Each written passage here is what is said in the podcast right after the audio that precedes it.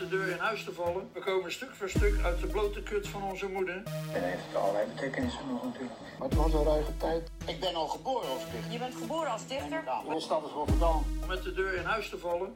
We komen stuk voor stuk uit de blote kut van onze moeder. Maar het was een ruige tijd. Welkom bij aflevering 44 van de Rotterdamse School en Aanverwante Zaken, de podcast over poëzie en literatuur.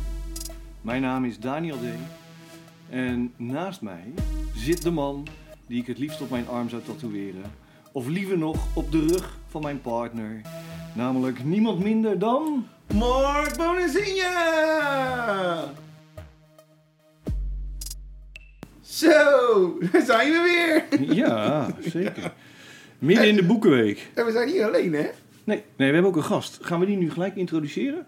Of gaan we het eerst even hebben over wat we gedaan hebben de afgelopen twee weken? Want we hebben een gast en we hebben zelfs publiek. Ja, de gast heeft publiek meegenomen. Ja. Wij konden het zelf weer niet regelen. We zijn niet zo populair als we denken. Nee. Nee, alleen in mijn dromen. Dus. Ja. Maar wat doen we? Gaan, we? gaan we haar, want ik ver- verraad het al een beetje. Ja, een beetje. Gaan we haar ja, alvast introduceren of gaan we het eerst even hebben over Wat we gedaan hebben. wat we gedaan hebben? Oké. En het nieuws. En, eh, nou ja. Oké. Ja, oké. Eh, zeg maar wie er is, joh. Wie er is? Ja. Of doe jij het? Nee, doe jij het. We hebben hier als gast niemand minder dan Amber Rahan Toknam. Fijn dat je er bent. Dankjewel dat je me Ehm, hebt uitgenodigd. Ja, dat vinden we heel leuk. Ehm, we gaan straks met je eh, aan de slag. Nou, tenminste aan de slag. Gewoon een beetje babbelen, eigenlijk. Ehm, maar eerst doen we eigenlijk onze vaste rubriek, toch? Ja, Ja. En dat is het nieuws, het literaire nieuws. ja. Eh, maar toch ben ik nog even benieuwd. Oh. eh, wat heb je gedaan? Nu, want het is nog Boekenweek. Oh. Nou, ik heb eigenlijk helemaal niks met Boekenweek gedaan. Nou, Nee? niet qua boeken. Heb je niks gelezen? Nee, ja, ik heb wel gelezen. Maar niet speciaal voor... eh, ik heb ook het Boekenweek geschenk helemaal niet. Ik heb geen boek gekocht. Nee. Heb jij het wel gedaan?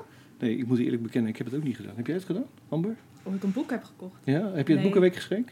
Eh, nee, zeker Nee, ook niet. Nee. Och man, wat zijn wij toch eh, literair. Eigenlijk hoop ik dat we die nog krijgen. nou ja, ach, een beetje zonde. Ik ben zelfs gisteren, want we nemen dit op zaterdagochtend op. Ja. Eh, gisteren ben ik zelfs niet naar het Rotterdamse boekenbal gegaan. Normaal ga ik er altijd naartoe, maar ik mocht niet van jou. Dus ik ben niet gegaan. nou, zo ernstig was het ook weer niet. Maar ik had je wel even op het hart gedrukt dat je niet te veel moest gaan drinken daar. Ja. Want we hadden een gast. Ja, ja, ja, ja. Of van, hebben we een gast? Ja, het is één keer voorgekomen dat het mij niet lukte om te komen. Ja. Vanwege mijn levensstijl. ja. Maar was ik niet zo blij mee. Nee, Nee. Terecht, Maar, eh, terecht wat, ook. Terecht. Maar wat heb je verder nog gedaan eh, buiten de boekenweek op? Ja, helemaal niks joh. Nee? Nee. Ik ben naar Madrid geweest, zoals ik al vorige keer zei. Ja, jij wel. Ja, Lekker warm. ja fijn man. Ja. Wat, eh, was er een speciale reden voor? Of was het gewoon voor de leuk? Gewoon voor de leuk. Oh, oké. En wat heb je gedaan? Nou, museumpjes bezocht. Oké. Uh, Guernica heb ik bekeken. En eh, Cool. Goya natuurlijk eh, met z'n The Witches Sabbath. Ja, allemaal dat soort dingen. Een Nou, beetje heel veel wijn drinken. Ik heb het nog nooit in het echt gezien. Beide niet trouwens. maar Want echt- ik ben nooit in Madrid geweest. Als je die Picasso ziet, die, die, die Guernica, echt... nou, ik krijg er echt... let- Al heb ik... Ik krijg er echt kippenvel. Ik ben ook echt emotioneel word ik daarvan. Ja, dat kan ik me wel voorstellen, ja. Ja. Heb ik met, met niks anders. Ook niet met Goya? Dat lijkt me ook heel tof. is wel heel mooi. Dali heb je natuurlijk ook daar allemaal. Weet Ja. je, al die shit heb je daar wel. Maar dat is- is ook heel mooi. Maar niet dat ik dan echt emotioneel word. Dus Picasso is echt voor jou... eh, Ja, alleen die, hè? Top. Alleen dat schilderij. Alleen dat schilderij, Ja, ja. ja, dat is heel gek. Ja. hm. Nou goed, nou, dan weten we dat ook weer. En Fijn. ik ben herkend in Madrid. Ja? ja, Door de politie. nee. Gewoon eh, fans. Oh, echt? Ja. Dat is toch Ben je zo- vertaald in het, in Nee, het maar Spaans? Nederlanders. maar ja, het is toch gek. Zie je op het terras. Die... Oei. Ja, precies. Dus dat was leuk. Dus dat vond ik wel grappig. Ja, kan me wel voorstellen. Ja. Ja, Dus. Oké, nou het nieuws. ja, Ja? literair nieuws. Wacht even hoor, want eh, ik heb een beetje te klein uitgeprint. Even mijn leesbril op. Oké, oh ja, het Literatuurmuseum dat verhuist eh, eh, naar Utrecht vanuit Den Haag. Ja, Want er moet groot onderhoud aan het pand worden verricht. ja, precies. Dus Ja, dat is nieuw. dat is het nieuws. Ja. Ja, maar moeten we daar iets van vinden? Ik vind daar niks van, hoor, moet ik eerlijk zeggen. Ik vind het jammer. Ik vind iedere verandering vind ik altijd jammer. Ik ben slecht tegen veranderingen. Ja, dat is de leeftijd. eh. Nou, daar ben ik altijd... Nou, oké, ja, goed. Misschien. Misschien. Oké, en het Vorige keer hadden we het over Leon de Wind en zijn Twitter-account. Ja. Dat was natuurlijk, dat was natuurlijk eh, uit de lucht gehaald. Maar hij zegt nu dat het komt eh, niet door zijn politieke stellingnames, maar vanwege een aanstootgevend beeld. Het betreffende beeld komt van het omslag van zijn laatste roman, Het Lied van Europa, en is geschilderd door Félix Vaillanton in 1908. Dat maakt ook niet uit wanneer het geschilderd is, maar toch. Maar eh, en dat, hij daar, dat is natuurlijk de stier die dus, zeg maar, eh, de mythologische stier, Ja. Zeus, die dan Europa verkracht. Eh, maar ja, dat is natuurlijk helemaal niet zo dat hij daar vanaf gaat, om die reden vanaf is gehaald. Want Twitter is gewoon één grote pornografische zooi. Ja, maar Twitter is sowieso een beetje het riool van de wereld, toch? Ja, maar dan ga je niet voor een, eh, een kunst. er staat geen piemel op. Zelfs dat mag op eh, Twitter. Dus Echt waar? ja, je mag tegen alles opgooien wat je wilt. Dus het is een beetje raar dat het eh, om een boekomslag gaat. Daar geloof ik dus niet zo helemaal in. Nou, er zullen vast mensen eh, klachten hebben ingediend. Gok ik zomaar eens.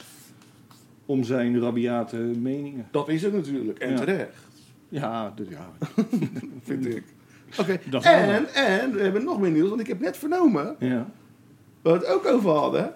dat er dus eh, die, eh, die, die, die, die, die poëziereeks van eh, eh, eh, eh, Poëzie in het Park... Ja, van het Veerhuis ook onder andere. Ja, dat er dus...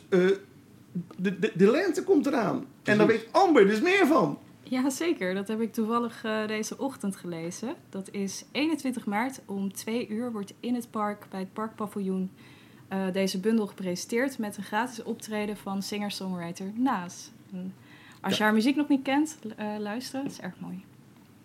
En weet je ook wie je samengesteld heeft? Nee, ik eh, probeerde net in het artikeltje te kijken, maar dat staat er niet bij. Er staat wel dat er gedichten... Nou, ik heb maar één naam daarvan onthouden van het reeksje. Maar in ieder geval van Ida Gerhard komt ook in de bundel. Oh, kijk aan. Oké, Ja. nou ja, Ida is altijd goed. Dat was ook in de vorige. Als ik me niet ja, vergis. volgens mij ook. En Ja. misschien ook. Nee, niet ervoor niet. Het zou wel lachen zijn als ze dan Oh, elke, ieder- ieder- ja, elke keer ieder Gerhard gewoon erbij. Ida die, die dicht alleen maar over de seizoenen. Ja, precies. Oké. Heb je En nog ik, meer dacht- ik alleen maar over de laatste twee eh dagen? Wat je kan her- herinneren. Ja, nou goed. Oké. Nee, dat was hem. Ja, ik heb nog één dingetje Oh. eh, over het Veerhuis. eh, die dus onder andere eh, betrokken zijn bij hè, dat bundeltje Ja. Lente.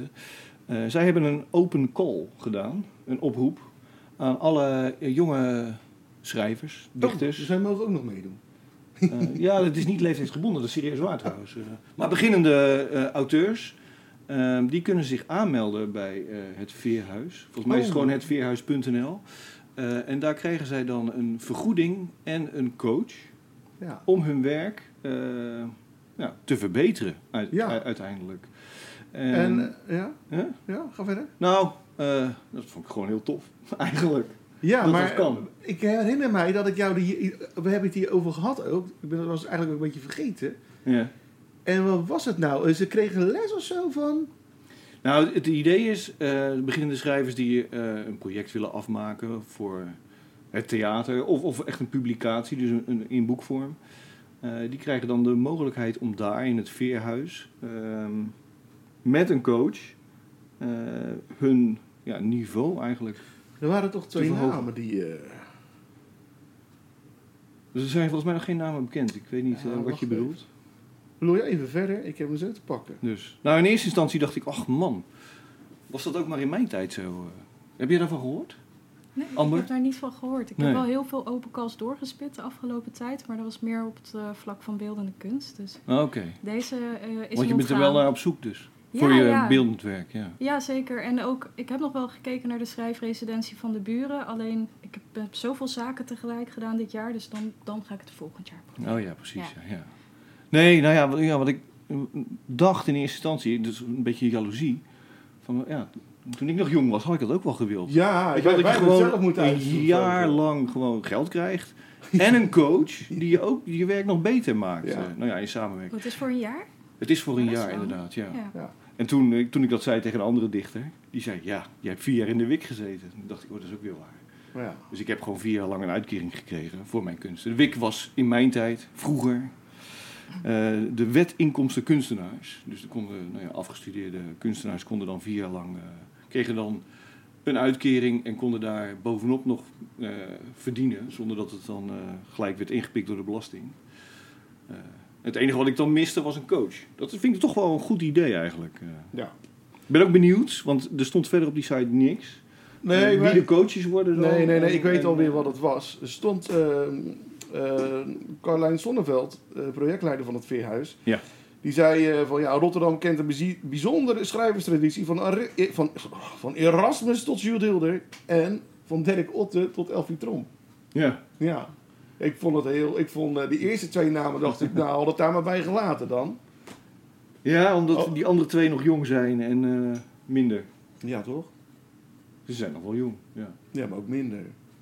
Minder dan Erasmus. Ja. Ja, maar ja, dit is moeilijk om te tippen aan eh, Erasmus.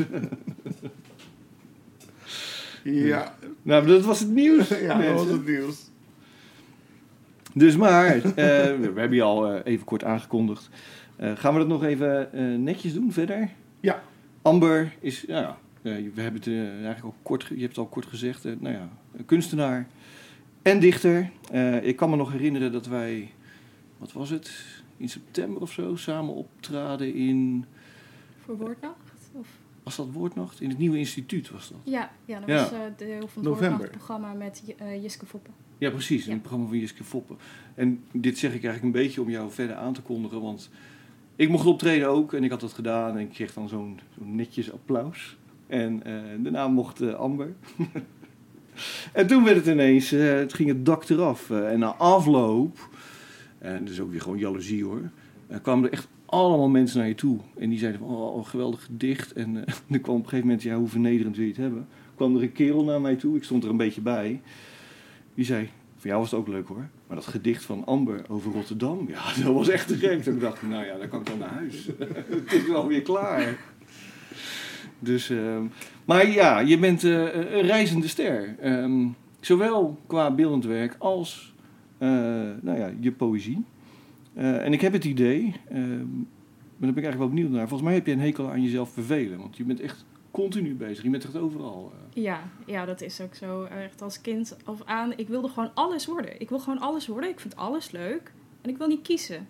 En ehm, op de kunstacademie zeiden ze van... Ja, maar Amber, hè, je moet wel kiezen. Je moet in ieder geval twee dingen doen. En, en dan kan je jezelf beter marketen. En toen dacht ik, nee, dit wil ik helemaal niet. Ik wil nog steeds alles doen, want ik vind alles leuk.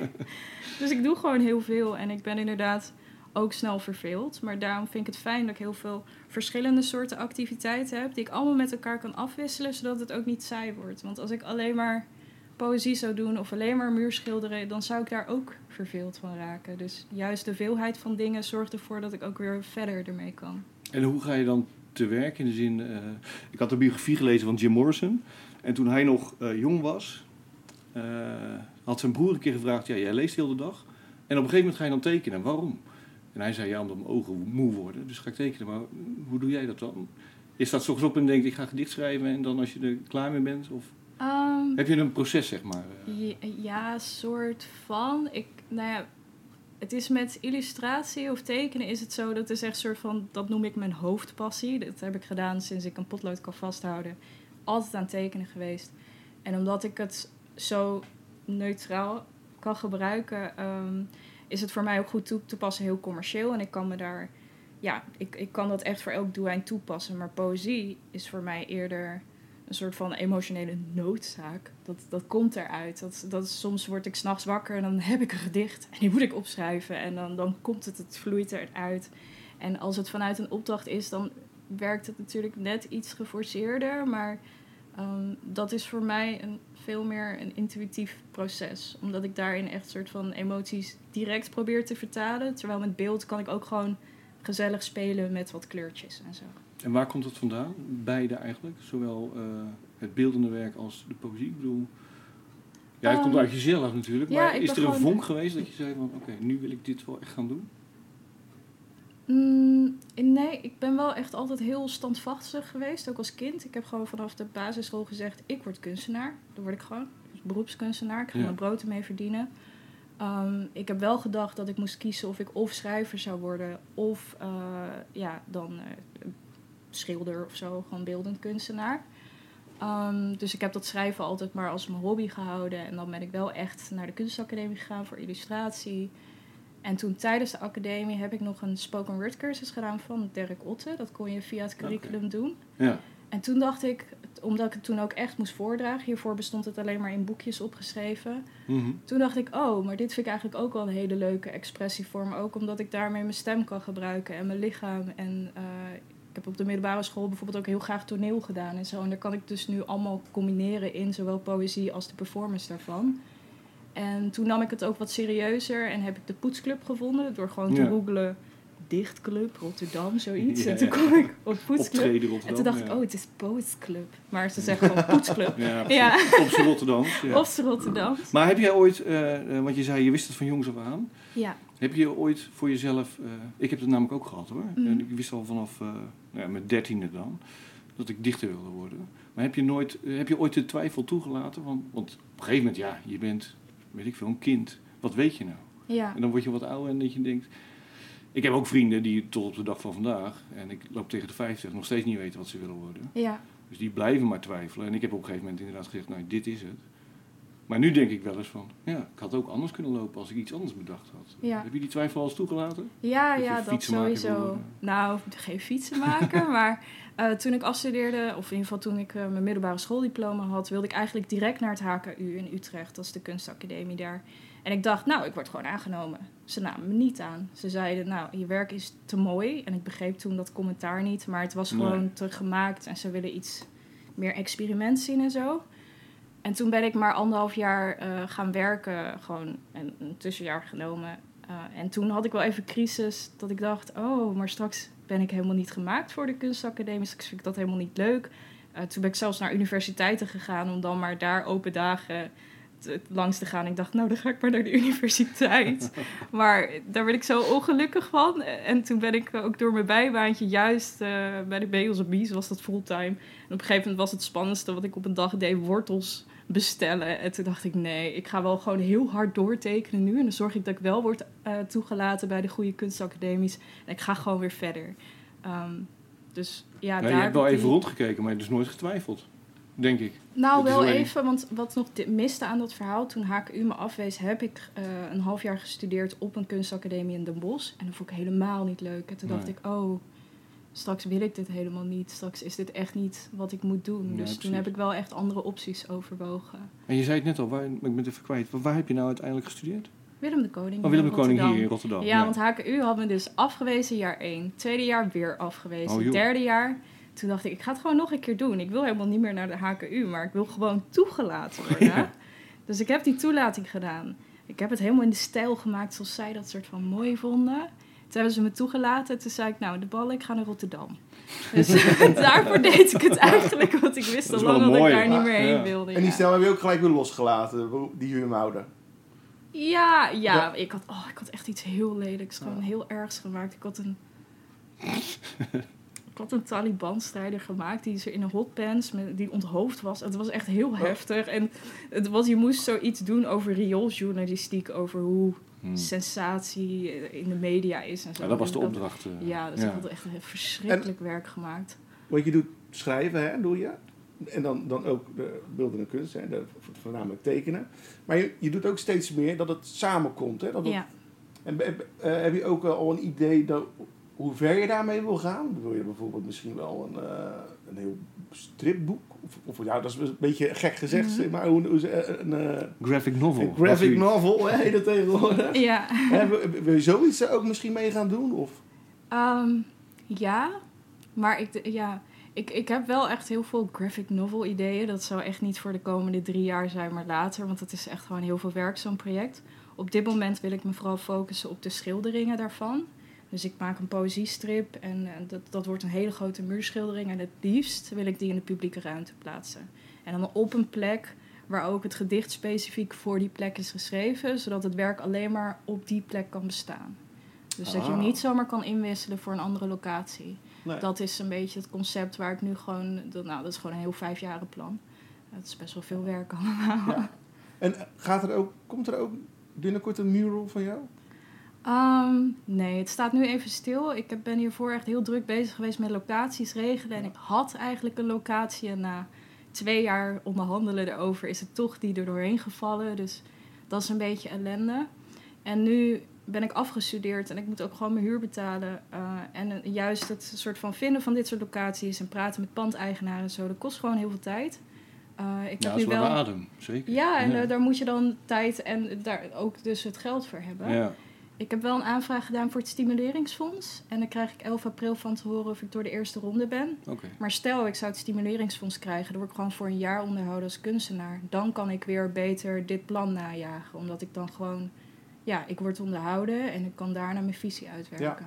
Maar je, er zijn al verschillende locaties, binnen locaties, waar jouw werk te zien is. Ja, dat En welke klopt. locaties zijn dat? Dan kunnen mensen de er naartoe luisteraar. gaan. Ja, toch? Nee, dat is toch leuk? Ja, nee, Ja. klopt. Nou, dat is Heilige Boontjes in Rotterdam. Dat is de koffietent. Ik heb Ja. daar zes schilderingen gemaakt. Eh, de Culture Hub in de Koolhaven, bij Delfshaven, heb ik grote raamschilderingen gemaakt. Als je dan daar de hoek omloopt naar de kringloop, heb ik daar ook een raamschildering gemaakt bij de kringloop de Mayum. De beste kringloop vind ik van Rotterdam. Vind ik ook hoor. Piep, piep. Nee, dat We kan worden er niet voor gesponsord. eh. Het is niet gesponsord, ik ben gewoon fan. Eh, even kijken. Ja, en andere binnenplekken, maar daar kun je niet echt komen. Maar ik heb dus ook eh, op een kantoor in Utrecht een super vette muurschildering gemaakt. Met allemaal nerd-referenties van Star Trek en de Star Wars. Er zit eh, Iron Man in en weet ik veel wat allemaal.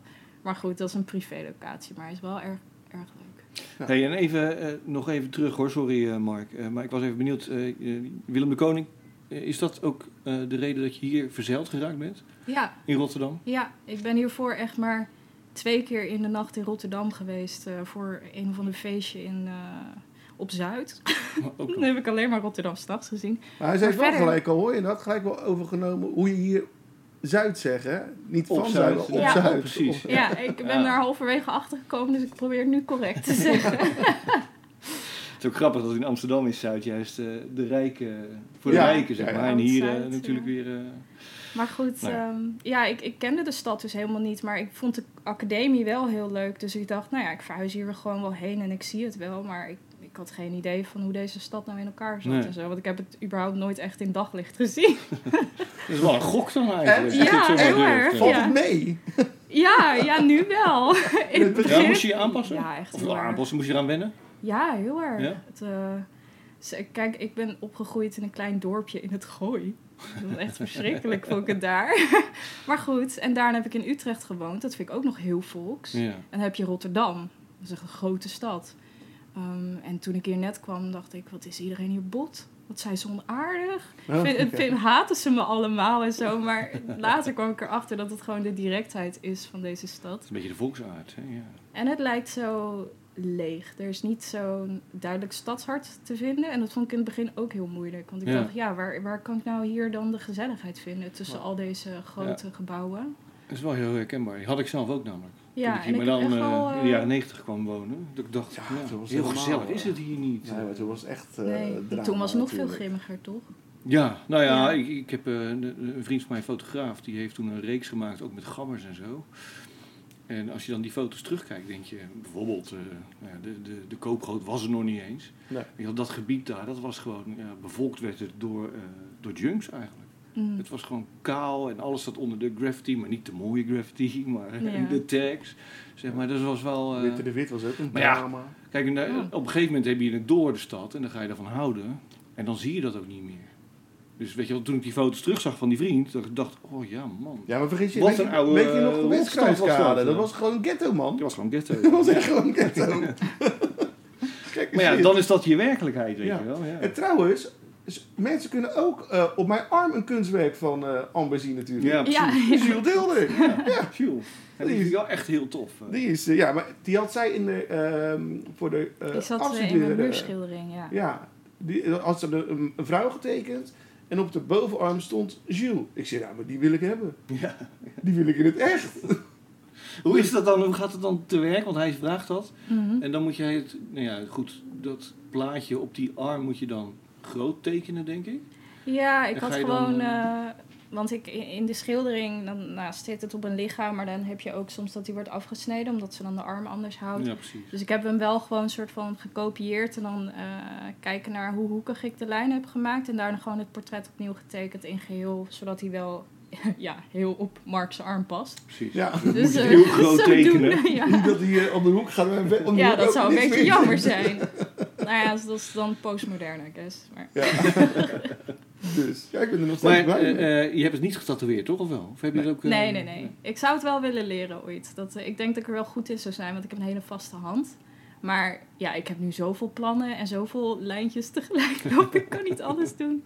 Ik wou dat ik het kon. Dat is ook weer een opleiding natuurlijk. eh, Ja, je tijd en moet je energie wel moet echt, Ja, en wat ze ja. ook nog meer doet, ze doet ook onwijs eh, aan een rollerskate. Ja, ja, echt, hè? En, is, ja, en, serieus. hè. Maar wat op is er eh, goed in ook. ja rolschaatsen. En daar heb ik ook... eh, wedstrijdniveau? Of wat Nou ja, wedstrijd. Ik doe het gewoon heel veel. En ik, ik probeer er heel goed... Nou, ik ben best wel goed erin. Ik kan handstanden vanuit een bol in het skatepark doen. Dat soort dingen. Cool.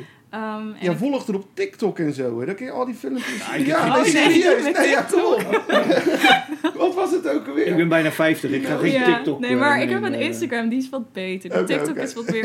ja, nee, ja, toch? ja, maar ik ga dus met Koningsdag voor, voor de prinsessen skate. Echt waar? Oh, jee. dat is echt heel bizar. Ik ben ervoor gevraagd vanuit Skateland. Gaan ze ook meeskaten? Eh, nee, Ah, nee. dat is jammer. Ja, dat vond ik ook jammer. Ja. Ja. nee, ze gaan zo dat wandelingetje doen. En dan hebben ze een pop-up skatepark kennelijk gebouwd. En dan gaan wij samen met nog drie andere rolschaatsmeiden gaan we een demo geven. Maar je Dus hebt toch ook pas eh, reclame shit gedaan voor, eh, wat was voor het? Nike. Voor Nike? Ja. Ja.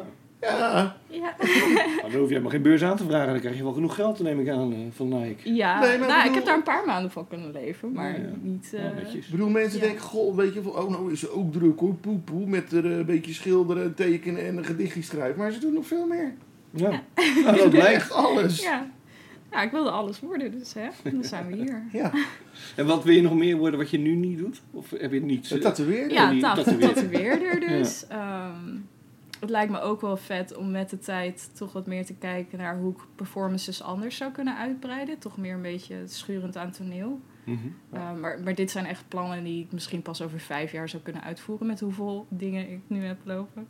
Ehm, maar dat soort dingen lijkt me ook wel heel vet. En misschien toch ook eh, met poëzie en, en dat verbeelden ook wat meer met film kijken. Of eh, een samenwerking met de animator, dat soort dingen.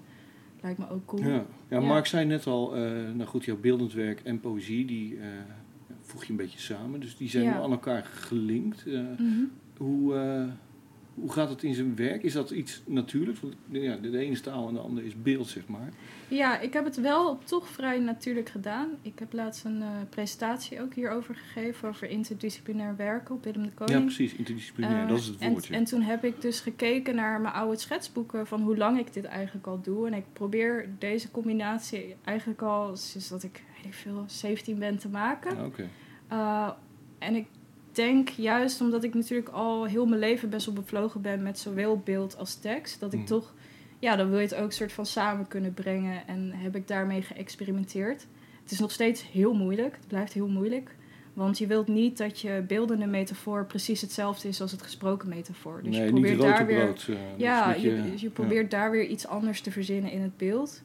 Ehm, en daarom heb ik ook heel mijn afstudeerproject hierop ge, eh, ge, hoe heet het? Geënt. geïnspireerd. Geïnspireerd, of, eh, ja. ja, zodat ik gewoon echt een paar maanden lang alleen maar dit beeldonderzoek kon doen. En als je nu naar je werk kijkt, ehm, kan je al zeggen, heb je een idee wat jouw thema is? Waar het over gaat? Zowel hè, dus beeld, het, het, het interdisciplinaire tussen beeld en taal. Ik bedoel, Eh, eh, je dus het je bedoelt echt thematisch over zowel. ja, waar schrijf je over en wat, wat teken je? Ik bedoel, je kan van Ehm, alles doen natuurlijk. Maar, Ja, het, het gaat eigenlijk, en, en dat is natuurlijk ook helemaal geheel in karakter, over het vinden van je eigen stem. Eh, hoe kun je jezelf, eh, ja, hoe werkt expressie en op hoeveel manieren kan ik mezelf uitdrukken? Eh, een soort van ook de gelaagdheid van een mens. Ik wil juist laten zien, door heel veel dingen te doen, dat een mens echt wel meerdere dingen kan zijn. Je hoeft niet maar één ding te zijn. Ehm, en daarnaast in mijn poëzie schrijf ik heel veel over eh, complexe emoties. Ook, ik kom zelf uit een complexe thuissituatie. Dus hoe werkt dat als je op zo'n manier bent opgegroeid en je moet het nu een soort van zelf doen? Hoe ontwikkel je? Hoe gaat het pad van een soort van meisje zijn naar jonge vrouw? Dat is ook, vond ik, een hele wobbelige tijd. En ik zit daar nog steeds in. Gewoon al die ervaringen, dat wil ik graag vertalen. En in mijn het is beeldende wel persoonlijk werk... dus allemaal Ja, het is, eigenlijk. het is best ja. wel persoonlijk. Ja. En in Is het het ook- beeldende... het sorry. autobiografisch? Meeste wel. Ja. Soms is het geïnspireerd daarop, maar voeg ik er ook nog andere elementen aan toe. Maar het is veel wel echt geleefde ervaring. En ik denk dat dat ook wel het ding is wat mensen raakt als ze dan naar een performance naar me toe komen. Dat, ze het, dat het soort van overkomt Dat het daardoor. echt is. Ja, Nou, toen in het nieuwe instituut, dat waren wel, er waren zelfs kerels die eh, veel ouder waren dan ik. Nou, dat kan bijna niet, maar... Dus je raakt ook een snaar bij mensen die nou ja, niet dezelfde situatie hebben als jij, zeg maar. ja. Maar dat vind ik ook het mooie aan eh, überhaupt kunst, is dat het best wel open interpretabel is. Kijk, ik heb iets geschreven vanuit mijn ervaring, maar omdat ik het op een bepaalde manier schrijf, op een bepaalde manier breng met mijn eigen stem, kan iedereen weer helemaal zijn eigen situatie daarop eh, ingieten. Heb jij iets bij je eigenlijk? Eh, Ja, Want zeker. nu hebben we het de hele tijd over je werk, dus misschien willen de luisteraars wel Ja. weten van, nou, wat, wat is het eigenlijk? eh, hè? Ja. Ja. Dus Eh, als je iets wil laten horen, graag. Hoe werkt het met de volgorde? Want ik heb inderdaad meerdere gedichten bij me. Is het gewoon, eh, ik doe een gedicht, je- praat weer verder en dan... eh, Ja, ja? Wat je wil. ja. ja, je mag er ook meerdere achter elkaar doen hoor. Oké. Ehm, nou, ik begin wel gewoon met mijn... Ik heb een volgorde, dus ik begin gewoon met de eerste. Dit is eh, Even voor de luisteraars die het niet zien. Ze heeft dus gewoon inderdaad een paar titels opgeschreven, zie ik volgens mij. Ja. Dus ze doen, je gaat het allemaal uit je hoofd doen Ja. nu. Oh, Oké, nou. Ja. En als het te lang duurt, dan zeggen ze gewoon, ja, stop nou maar. Nee, maar nee, dat kan ik niet hoor. Kan jij dat wel uit je hoofd? Nee, nee, nee, dat is echt eh, mijn, mijn slechtste... Ik zou doodsbang zijn om alleen maar titels mee te nemen. Maar goed. Nee, ik vind oh het nee, zo- ik wil je niet Nee, zenuwachtig nee hoor, maken. je maakt me Ik niet vind het sowieso zenuwachtig. altijd Ik wel eh, spannend kan dit verrast goed staan. onthouden. Nee, het is sowieso vind ik altijd wel spannend om op het podium te staan. Dan moet je ook nog die dingen gaan onthouden. Ja. Ja, dat kan ik niet. Nou, het gekke is, ik kan het wel. Ik ken echt allemaal gedichten uit mijn hoofd, maar alleen thuis. Als we daar op het podium staan, dan, heb ik, dan moet ik een papiertje vast hebben, anders ben ik gewoon, het gaat het blanco. worden. Maar goed, eh, dat is een ander verhaal. Oké. Graag, Ja. het woord aan jou, Amber. Ik eh, doe er... Te... Nee, ik doe wel gewoon eerst één korte. Oké. Dag voor zorgtoeslag. Ik zie het al voor mij. Hoe wij ouder, nog lang niet alles wetend, maar wel geïnformeerder tegen elkaar kunnen zeggen. Weet je nog? Hoe wij, half strompelend en volledig niet uit onze woorden komend, driftig onze wiskunde beoefenden op de krakkemikkige koekjes en sneu, zakken chips in de nacht. Winkelden wij uiteindelijk het allerkleinste busje Pringles en net geen lolly, want kost 30 cent. Dus ik die voor jou en wij uiteindelijk thuis, lachend van de ellende en prutsend met de snoeppapiertjes. Dus dit is de smaak van ons laatste kapitaal. Woehoe, mooi. Ja, vind ik mooi. Ja, vind je het mooi? Ja. Ja, goed, ja. Oké. Dat is mooi. Eh, ja, wat, ik doe er nog maar eentje hoor. Nog Toch? eentje, Of- ja. Ja, nee, zeker. Ja, Ga ja, ik ja. doen. Draaiduizeling. Dit huis is scheef gebouwd. Met moeizame moerpalen. De wanden zuchten altijd weer onverstaanbare raadsels van een verdrietige moeder met haar prachtige kinderen. Een verloren vader met onvoorwaardelijke liefde voor haar wikken en wegen en ze willen wel, maar slagen maar niet de fundering recht te kussen. Dus wankelt het. De oren liggen verstopt en ze vinden woorden onder het tapijt. De spoken van de nacht lossen op in de dag, lijken leugens in het schijnsel van het middelpunt. Dit was alles wat zij wenste: een as te zijn. Waarom haar hardgevochten gezin draaien zal, hoopte zij pijnloos en lijfloos te leven met een man en kinderen die van haar hielden, dit huis groeide onsterfelijke hoop. Hoeveel begrijpt een kind van de wereld? De pijn werd met de paplepel ingegoten, bleek een vruchtbare bodem voor oude zielen en jong talent. De bijzonder knappe koter die ze trots op haar handen droeg, in haar armen sloeg en verzuchtte: Dit is van mij. Maar haar lichaam, hardnekkig vast, bezat een, diep, bezat een begraven leegte met geheugen aan tijden lang vergeten. Onderwierp haar aan onbegrijpelijke stormen, lag zij ten grondslag aan haar geest. Kinderen werden groter, zoals ze dat doen. En met de dag paste ze haar projectie slechter. Die knelde aan hun ledematen, het verzinkte hun enkels. Het kind wilt het zelf doen. Vecht na decennia voor een stem. Tot daar reikte haar omhelzing. Dit was niet zoals ze het voor zich zag. Ze heeft het al zo vaak geprobeerd. Ze heeft al zoveel strijden geleverd. Ze hield en haatte van. Ze deed alles, maar verliet. Wees jezelf maar ook weer niet. Er klonk een echo door haar lendenen.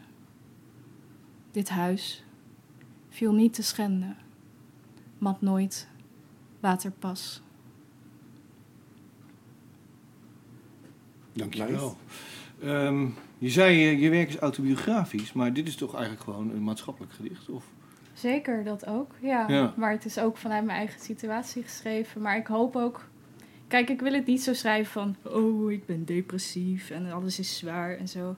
Maar ik probeer juist van dit soort situaties de, het complexe ervan uit te leggen. In Mhm. hoe tegenstrijdig de emoties kunnen zijn. En dat mensen dus ook inderdaad hier ook troost in kunnen vinden als ze door soortgelijke situaties heen gaan. Ik probeer ook juist te schrijven dat een ander dit ook kan herkennen. Ja, is, het, eh, eh, is dat het doel? Dat mensen zich eh, er, erin kunnen herkennen en zelfs troost vinden? Ja. Ja? Ja, ik ben ook bezig met een bundel hierover. Echt al een hele tijd, maar ik vind het doodeng om hier echt te laten publiceren uiteindelijk. Want kijk, met een performance bestaat het voor een paar minuten en dan, Ja. dan verdwijnt het in de lucht. Ehm, Ja, want hoe sta je daar sowieso in? eh, nee, nee, sorry, maak je zin af. Mhm. Daar kom ik wel ja, terug. ik eh, maak hem even af. Maar met de bundel hoop ik dus juist inderdaad echt iets van troost mee te kunnen geven. En dan ook eh, de zware emoties te beschrijven. Maar ik wil het soort van. Er moet een lijn in de bundel zitten dat het ook op een lichte noot weer eindigt. Dat, dat ik kan laten zien aan een ander van oké, het is zwaar om hier doorheen te werken. Maar er, er is echt wel ja, licht aan het einde van En je het bent niet de enige.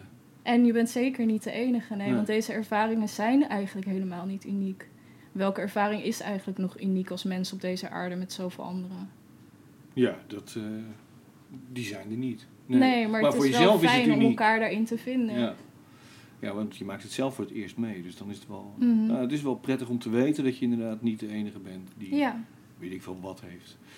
Om Maar het moet- even wat. Moeten hè? we het dan ook gaan zien als een soort therapeutisch iets? Of dat toch ook weer niet? Al mijn poëzie? Of, eh, Nou ja, of, nou, eh, nou, bedoel nou ja, nou ja, ik ben met een bundel bezig Mhm. meer in dat maatschappelijke, ook, ook het autobiografisch en maatschappelijk Mhm. is. Maar moet, moet, moet je dat dan ook zien als een soort therapeutisch boekje? Voor Hmm. degene die het leest? Of dat ook weer niet? Zover wil je ook weer niet daarin gaan. Dat hoeft ook weer niet. Ik bedoel, een ander kan het ook gewoon lezen die er misschien niet zoveel mee heeft, maar de woorden raken hem toch. Want ik heb Ja. ook mensen gehad waarvan ik dus een gedicht heb geschreven op een eigen situatie. En diegene kwam naar me toe en zei: Wow, het deed me zo erg denken aan toen die keer dat mijn vriendin het met me uit had gemaakt. En dat was een totaal andere situatie, maar toch was dat herkenbaar. Ja, nee, oké. Dus, Dus, het dat, is dat niet, hoeft niet per se. Nee, Nee, dus het je is hoeft niet echt- alleen maar. het is niet dat het ultieme doel dus dat... Nee. Oké, nee, nee, nee. Ja. ja. Nee, omdat je net zei van, dat is wel een beetje het doel. Ja, ik, ik hoop dat natuurlijk Ja. voor de mensen die dan wel zulke situaties hebben, dat die wel troost vinden. Maar het, het hoeft niet noodzakelijk het enige doel te zijn van zo'n bundel. Ja. En qua schrijven, de- om even daarop terug te komen. Jouw eerste stappen waren eh, een workshop eh, spoken word met, eh, van Dirk Otte. Nou, niet de eerste, maar dat was weer de, de renaissance. Oh, de, de Ja.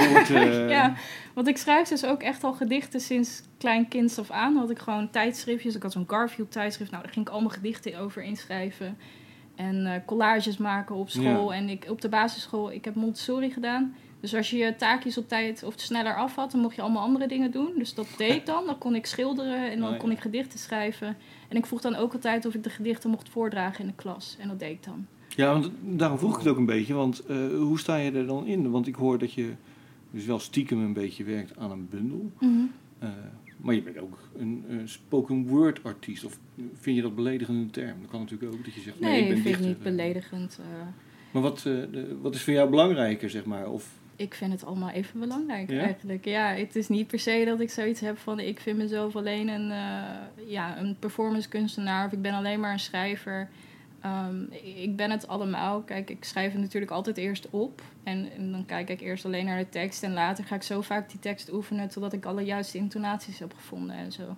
maar het is toch zo, ehm, eh, ik denk niet helemaal dat het voor jou helemaal opgaat, maar veel spoken word teksten zijn eh, goed eh, op een podium. Maar als je Maar- ze leest, dan denk je... "Nou, Maar vind jij dit maar daar ben ik dus bang voor. Daarom durf ik die bundel. Dat vind ik heel moeilijk om daar een soort van naar iemand toe te stappen en zeggen: hey, wil je in ieder geval één. eh, ik wil beginnen met eerst alleen enkele gedichten publiceren in literaire tijdschriften of Mhm. websites of zo.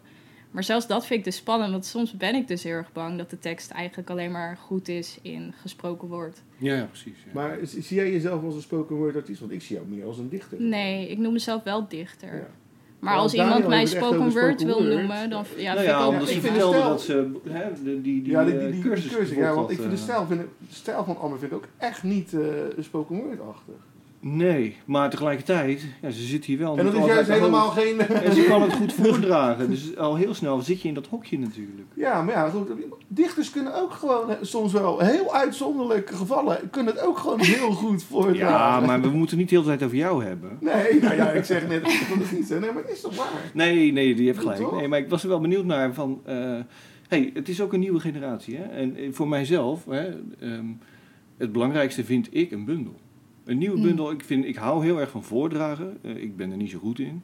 Maar ik vind het wel leuk om direct dan de Ja. reactie te zien van het publiek. Dat is heel fijn, want als je een bundel hebt... Ja, die leest iemand eh, onder zijn nachtlamp. En, maar dan weet je dus niet wat, ervan, wat ze ervan vinden. Maar voor mij is het wel het belangrijkste. Ja, ja, ik, De bundel. Ik, denk dat je het ook een beetje moet zien, net zoals waarom bandjes op tour gaan. Ja. Weet je wel, tuurlijk is het live spelen is leuk, maar ja, weet je. Maar, Maar er zijn ook bandjes die dat het allerleukst vinden. En Ja. een plaat minder Nou belangrijk. ja, maar toch, je moet ook kunnen leven, weet je wel. Dus je wil dat je plaat verkocht wordt. In, in ons geval wil je dat die bundel verkocht wordt. Dus treed je op. Je wil toch, je moet die naam Ja. moet blijven rondzingen, weet je wel. Want anders verkoop je je bundels niet. Ik Nee. denk dat dat in dat geval is, dat wij daarom meer op dat podium staan. Nou, ik, kijk, eh, ik zit er nu heel tijd grappig te maken dat ik zo oud ben en zo. Eh, maar wij zijn natuurlijk wel de eerste generatie die... Och, weer die Siri. Dat is echt... Maar wij zijn de eerste generatie geweest eh, die het konden maken door op te treden.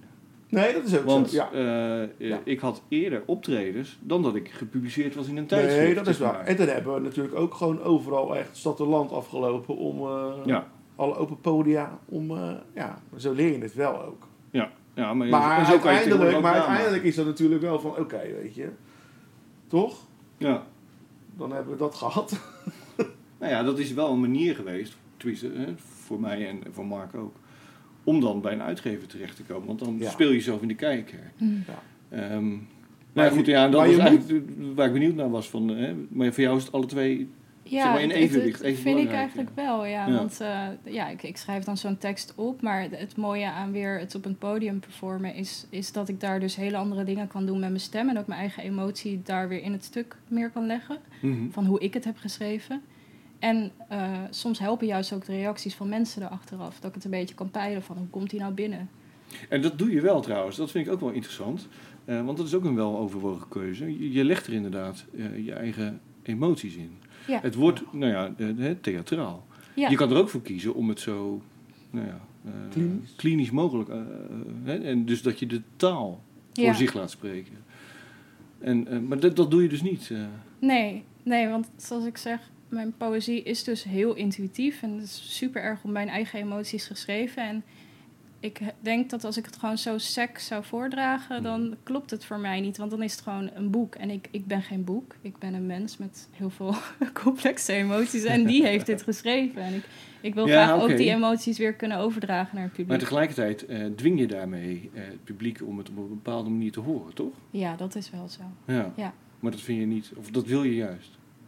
Ja, nou, nou ja, inderdaad. eh, het, het komt op een bepaalde manier over. Maar toch heb ik mensen die dan eh, naar me terugkomen, met, dus met hele andere ervaringen. Dus Ja. zo erg hoeft het ook weer niet één bepaald beeld van het gedicht af te dwingen.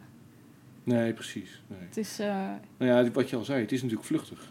Zo'n ja, podium. Dus het is heel ja, vluchtig. Ja. Mensen die Maar dat, dat is ook mijn safe space dan. Dan hoeft het alleen maar daar te bestaan. Dan kan niemand meer daar nog op een papiertje lezen. Dus ik kan kijken van, oh, dat vond ik eigenlijk helemaal niet zo goed. Oh, ging het daarover? Ja, Het ging helemaal niet over mijn oh, dat heb ik helemaal gemist. Ja. Ja, ja, nee, goed. Ja. Ja, daarom treed ik alleen in kroegen op. Ja. Iedereen is toch dronken. Niemand krijgt het mee. Maar, wat is jouw, wie zijn jouw inspiraties?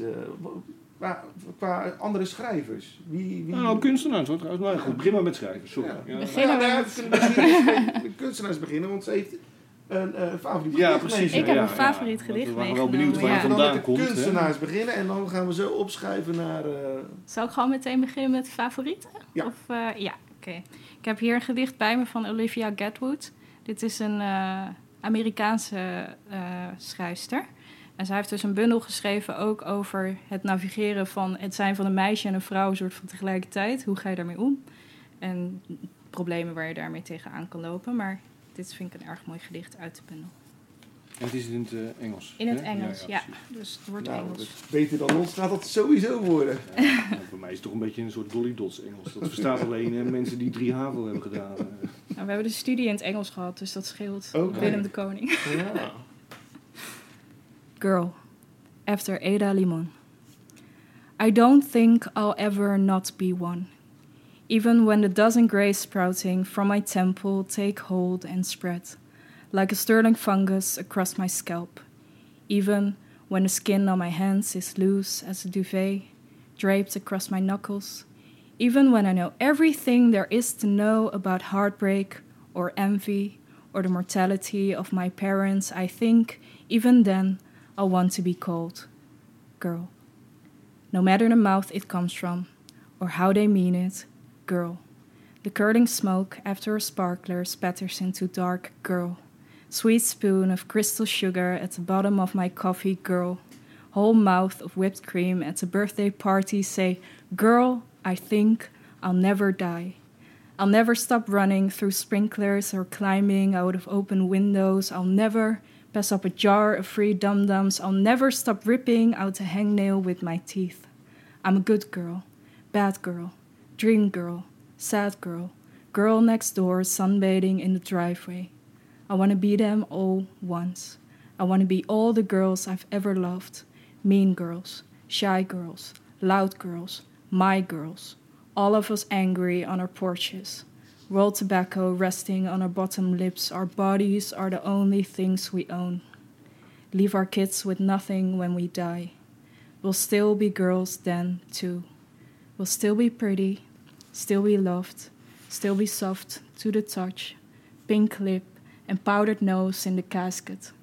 A dozen sobbing men in stiff suits, yes, even then, we are girls. Especially then, we are girls. Silent and dead and still, the life of the party. Ik snap wel, eh, mooi, ja. Eh, ehm, dat je dat mooi vindt, ja.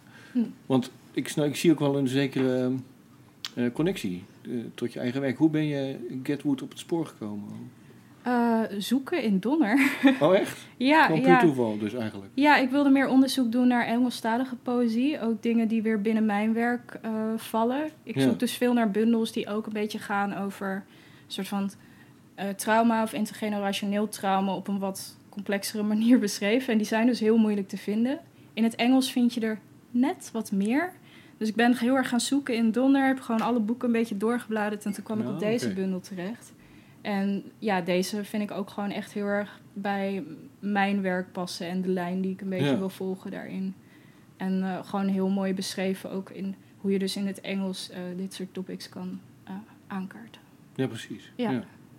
Schrijf je zelf ook in het Engels wel eens? Ja, ik heb zo meteen ook een Engels gedicht. Oh, Ja, maar ik heb, als ik nu nog eentje mag voordragen, eentje Ja. die dus heel erg in lijn van eh, haar werk ja, past. laten we dat doen. Paspop. De seks was mij voorgegoten, uitgemeten in dubbele standaarden. De mooie meid wilt altijd, staat te springen voor de volgende ronde, maar alleen als hij denkt het offensief te hebben. Want zij is enkel fantasie. En nog geen mens. Want van de scherpe zijde van de persoonlijkheid is nog niemand hard geworden. Ik wilde niet anders dan goed zijn waande mij onvergetelijk, kneedde mij tot gewillige vrouw.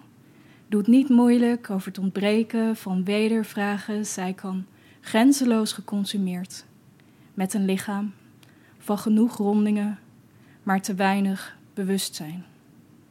Perfect.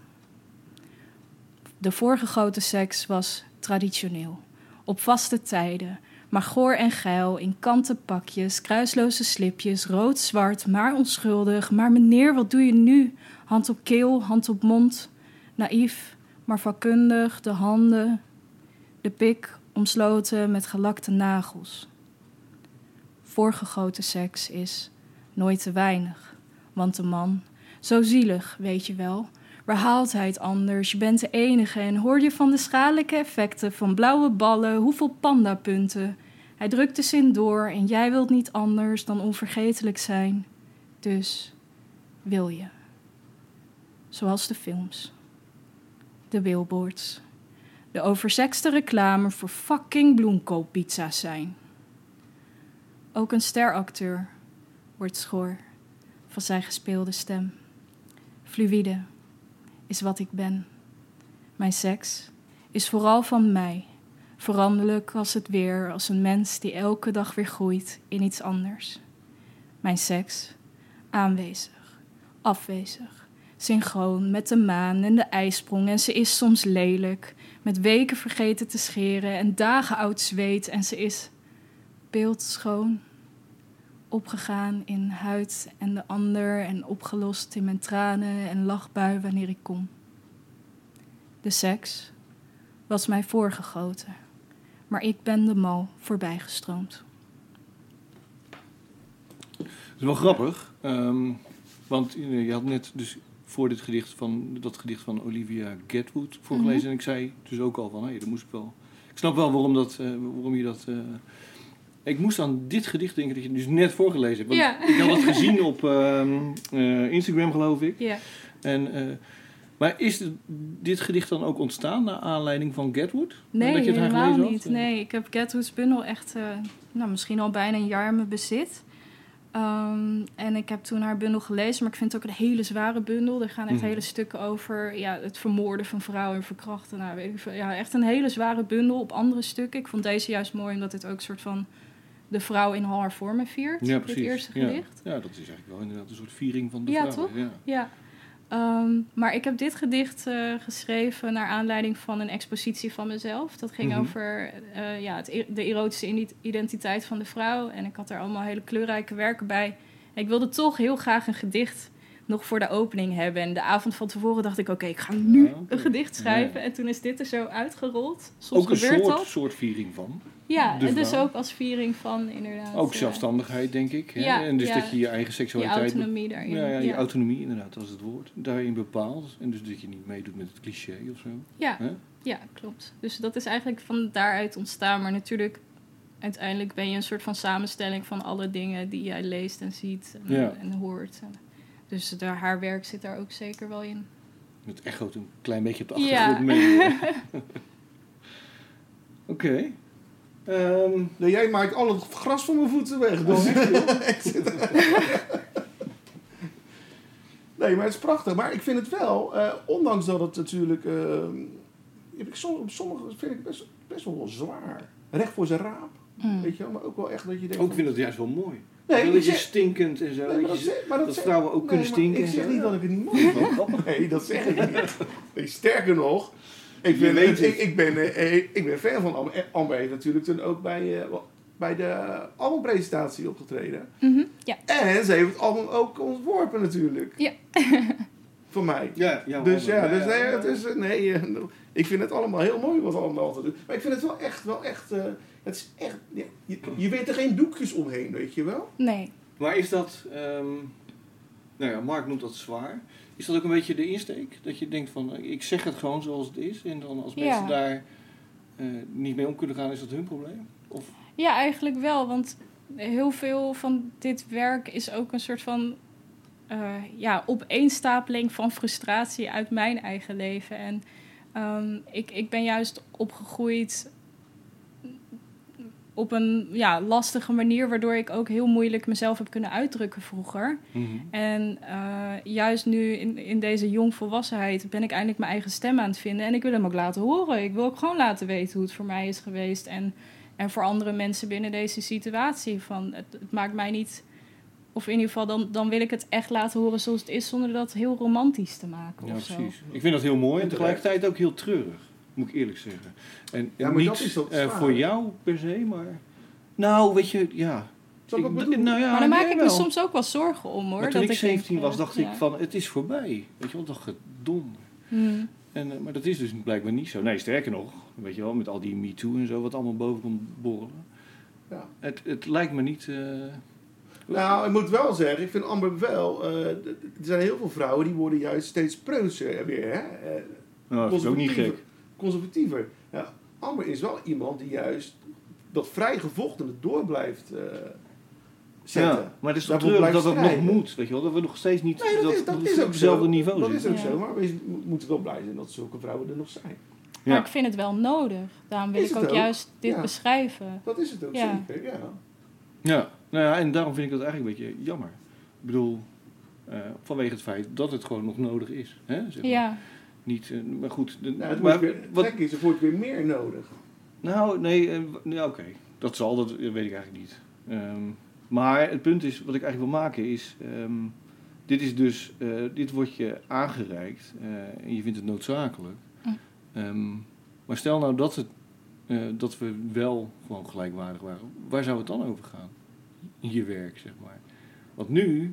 ja, Ja, maar dat is niet zo. Nee, dat is niet zo. Nee. Maar denk jij daar nooit over na? Want ik heb ook mijn, eh, mijn eigen dingetjes. Ja. En daar schrijf ik dan over, omdat ik hè, dat meegemaakt heb. Bij mij gaat het altijd over miscommunicatie hoor. Daar gaat mijn werk gewoon over. Eh, dat is ook mijn interviewstijl.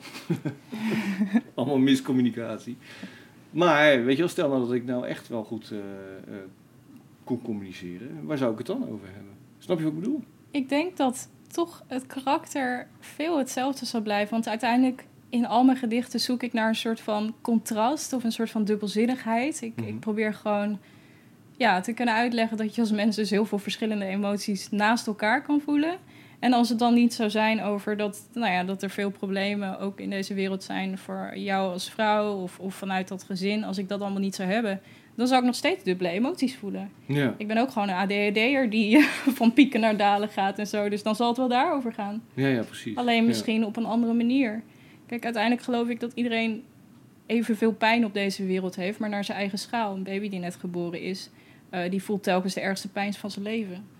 Dus, Ja. ja, Ja, dus ik heb dat- is ook een, ja. ja. Ik heb dat ook wel gehoord inderdaad. Kinderen, de problemen van kinderen zijn net zo groot als voor volwassenen. Ja, want zij Omdat hebben ze gewoon een minder groot referentiekader. Ja, Ehm, ik zou, heb jij nog, als jij nog geen vragen meer hebt, zou ik zeggen, dan wil ik nog wel een gedicht horen. Maar Laten we nog een gedicht doen ter afsluiting. de afleiding, ik weet niet, misschien wel twee. Ik of had drie. er inderdaad nog twee. Oh, oké. nou, dan doen we er twee. Doen we nog twee. Nou ja, tenzij je nu nog eh, zegt van, ik wil dit nog wel even vertellen. Ja. Eh, Of ik wil dit nog Ehm. kwijt, of ik heb binnenkort sta ik daar en daar. Mag je ik ook daarna je gedichten doen? eh. Nee, nee, dat ga ik nog niet zeggen. Oeh, Wat is dit nou cliffhanger. Spannend, cliffhanger. Weer.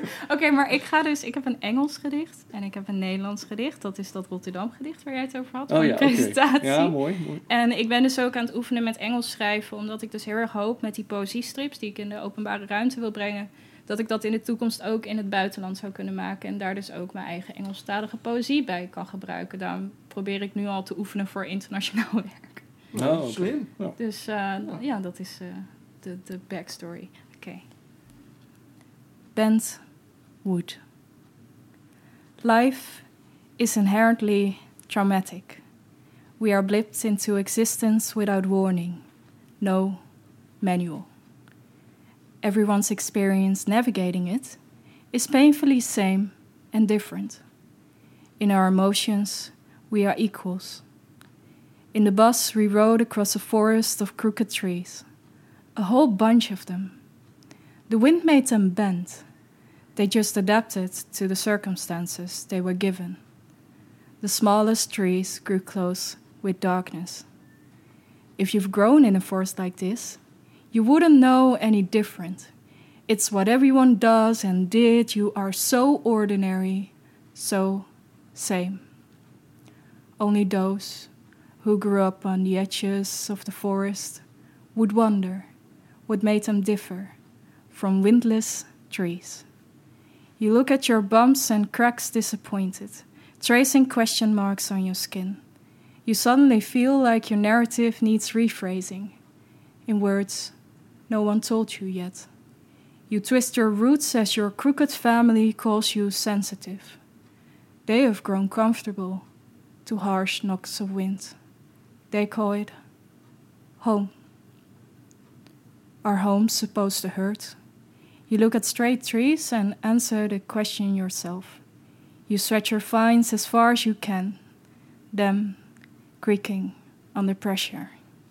It hurts, but every speck of sunlight rewards you.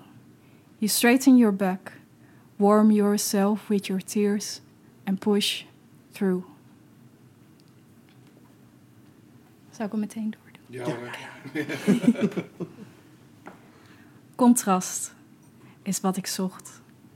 Ik moest het krocht uit. Het kleinschalig geneuzel, het onbegrip van anders en de opgetrokken wenkbrauwen. Als tiener, met niet mijn vrienden, verkleed ik mij zoals zij.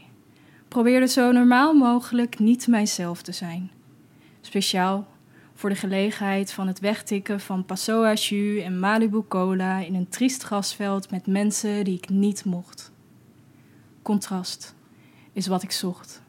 Het waaide mij van een kut dorp naar een rotstad, een waar het koud waait door haar kieren, geen steen gezellig leek en mijn bot in de bek. Bij aankomst leek ik haar hart maar niet te vinden. Er bleek een groot verschil tussen een stads- of een dorpsgek. Van apart groeide ik naar anoniem, wist mijzelf ruisloos te dragen zonder ook maar één geworpen blik.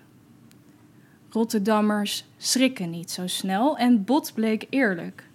Het hart van de stad ving zich gewoon niet in enkelvoud. Ik vond haar, in mijn gelaatskleur die zich mengde in plaats van afstak, in poëzie, pissen in de liften van stations, prijs mezelf gelukkig met het scherpen van mijn tong, weet nu zonder enig na te denken, een middelvinger op te steken, als reflex. Ik zeg haar, omdat zij de moeder is die de mijne niet was. Ik behoef elke steen van deze stad om het te kunnen afschermen van waar ik wegkwam. Bloed is dikker dan water, zegt men dan, maar de Maas stroomt sneller. Rotterdam. Met in haar armen een ieder uit elke streek. Ik spiegel mij aan haar vele gezichten. Vind voor elk facet van mijn zijn de passende plek, personen, probeer nieuwe woorden uit. Vervaardig een taal voor verhalen uit onbesproken grond. Weet ik precies wie ik ben door het vinden van contrast. Is wat ik vond. Ja, mooi. Weet je wat het is? Eh, ik vind echt... Je hebt Roadhouse Magic, het gedicht van Jules Deelder. Dat is een beetje het Rotterdam van de naoorlogse generatie. En ik vind Contrast vind ik het gedicht van het Rotterdam van nu. Vind ik, echt, ik vind het echt een heel tof gedicht. Dat, eh. Dankjewel. Nee, nou, Of- nou, ik vind het nou... Ik vind het beter dan dat gedicht dat eh, gisteren eh, van de week is eh, onthuld van eh, Alex. Eh, op de Koolsingel Ja. bedoel je? Ja, dat is bij ja, die ja. opticien, toch? Ja, bij, bij de, nou ja, Playfair. Ja, dat is Ja. daarnaast. eh, Ja, precies. Ja. Ja. ja, vind ik. Dus, Ik Ja. eigenlijk ook dit gedicht aan moeten nou, staan. wat ik zeg, weet je, wel, dit is het nieuwe Rotterdam. Ja. En, en van Alex Bogers, dat gedicht, ik heb het al gelezen, dat is zijn inderdaad de naoorlogse eh, En ook clichés deurtjes. Ja, eigenlijk. eigenlijk. Deurtjes, open deurtjes. Ja. noem het open deurtjes, oké. toch? Ja, Ja. zeker. Eh, Amber, ik, als eh, Mark niks meer te zeggen heeft, dan zeg ik eh, dankjewel. Heel fijn dat je er was. Wat? Jij kreeft? Eh, ik heb nooit gegeten. Ik Oh, heb wel nou een ja. langoustine Nou, moet je eens een keer doen. Moet je eens een keer doen. Hey, en eh, voor de luisteraars die willen weten hoe jouw beeldend werk eruit ziet, eh, wil je hun eh, je naar je Instagram-account. Ja, leiden? ja zeker. Eh, dat is ambigu.illustrations. Dat schrijf je als A-M-B-I-G-O-U punt illustrations. Op Instagram. Is Als dat het een te snel dan, ging, is moet dat je- punt dan een stipje? Of Stipje, is ja. geschreven punt? En anders, mijn website is ook heel mooi. als mijn website snel is. Hè? Wat is je website? Mijn website is ook ambigu.com. Dus dat is wat makkelijker, is korter. Yes. Oké, top. Hey, dankjewel dat je er was. Dankjewel. Dank En jullie wel. natuurlijk. Ja, zeker. Ja. Hey. Eh, we hebben nog twee vaste rubriekjes en dan zijn wij ook weer klaar. Ja. Was wel een zware domme voor nou. We, we Zo. moeten vaak, nee, nee, juist niet. We moeten vaker gasten hebben. Ja, inderdaad. veel minder werk te doen. ja dan hoeven wij zelf minder te praten, wou je zeggen. Ja. Toch? Zal ik beginnen? Met eh, je favoriete gedicht van... Ja. eh, Nou ja, ik heb net even snel een gedichtje opgezocht, want ik heb mijn eh, bundel die ik uitgekozen had Ja, ik vind het heel erg. Ik vind het Die heel ligt laag in Albert Heijn nog. Ja. Die ben je gewoon kwijt. Ja, die ben ik echt kwijt, ja. Dus dit is een gedicht van Eddie van Vliet. En het heet Grootvader. In de stilte van een steeds stiller wordend ogenblik... tussen de ramen en de chrysanten... vult zich de waarheid dat hij de toekomst niet meer in jaren zal tellen. Hij blaft niet wanneer de verpleegster hem streelt als een hondje. Zijn vlees is niet meer het vlees van liefde. Zijn vlees is een plastic zakje gevuld met pijnlijke urine. Zijn kabouterstem spreekt niet meer over seizoenen. Dit jaar zal de sneeuw blijven liggen. Eddie van Vliet. Mooi. Ja, hè? Vind ik ook. ik had een gedicht uitgekozen. Ik dacht, ik doe het een beetje eh, als een soort voorvader voor moeder, moet ik dan eigenlijk zeggen. Hè? Van Amber. Wat erbij past. Maar dan, een- dit is een gedicht uit ja, de jaren 50, denk ik. Jaren 60 ook uit. Het is van eh, Lisa Sarah May. En haar werk is volgens mij net weer heruitgegeven. En het is echt de moeite waard hoor. Ehm, en het heet Voorspelling. Kort voor zijn dood noteerde mijn vader zijn toekomstvoorspelling. Hij schreef erboven reeks. Maar er kan ook staan keus. Verantwoording op mij nemen, schouderpijn, hoer in omgeving, korte duur, vertrek, kan met vrouw niet opschieten, andere beheerst mij, voorjaar, verandering, financieel alles opgelost, nieuwe connecties helpen, januari, uitstel van beslissen, zwerven, onleesbaar. 19 februari stierf hij. Misschien staat er sterven. Nice. Ja, Lisa Sarah mee. Ja, het is een beetje vergeten, maar het is absoluut de moeite waard. Lisa Zaramee. Yes. Oké. Oké, nou dan hebben we al tot slot nog... eh, ik heb nog een mail gekregen. Joe. Ja. Ik heb trouwens nog Ilse net geschreven. Oh, laat me horen nog. Je weet toch, weet je? Ja, wat een Josenet is? Of wil je het even uitleggen? Ja, dat was hem? Oh, dat was hem. ik dacht, ik ga het nog even uitleggen wat een Josenet is. Met een stamregel en eh, dat het Ja. gekeerd wordt, maar je was er al doorheen. Toch? Ik vond hem eigenlijk best wel geslaagd. Ja, ik vond hem ook mooi. Je weet toch, weet je. Dat is wel heel Rotterdams. Ja, toch? Sorry. Eh, nou ja, Jeroen Smit had gemaild met een nieuw gedicht. En het heet Wat is er nodig voor een beetje vreugde? In het schriftje dat ze aanschafte om dagelijks minimaal drie positieve gedachten op te tekenen, schrijft ze douchen, koffie met Hanna, aardappelschijfjes. Ze zet er niet bij hoeveel moeite het haar kost. In de tussentijd, sorry hoor, in de tussentijd een verdieping hoger van hetzelfde appartementencomplex. Er was een periode dat hij verlangde om opnieuw te beginnen, bij voorkeur op planeet Bizacodiel, in een sterrenstelsel hier ver vandaan. Nu vindt hij bier en snacks al voldoende. Deze twee mensen zullen nooit verder komen dan vriendelijk naar elkaar knikken in de lift. En de dichter weet niet of dit nu een gedicht is met een happy end. Oh? Hé, hey, maar Codiel? Ja. Wat? ja, ik heb het ook opgezocht. Dat is toch helemaal geen Dat is voor de luisteraars om zelf eh,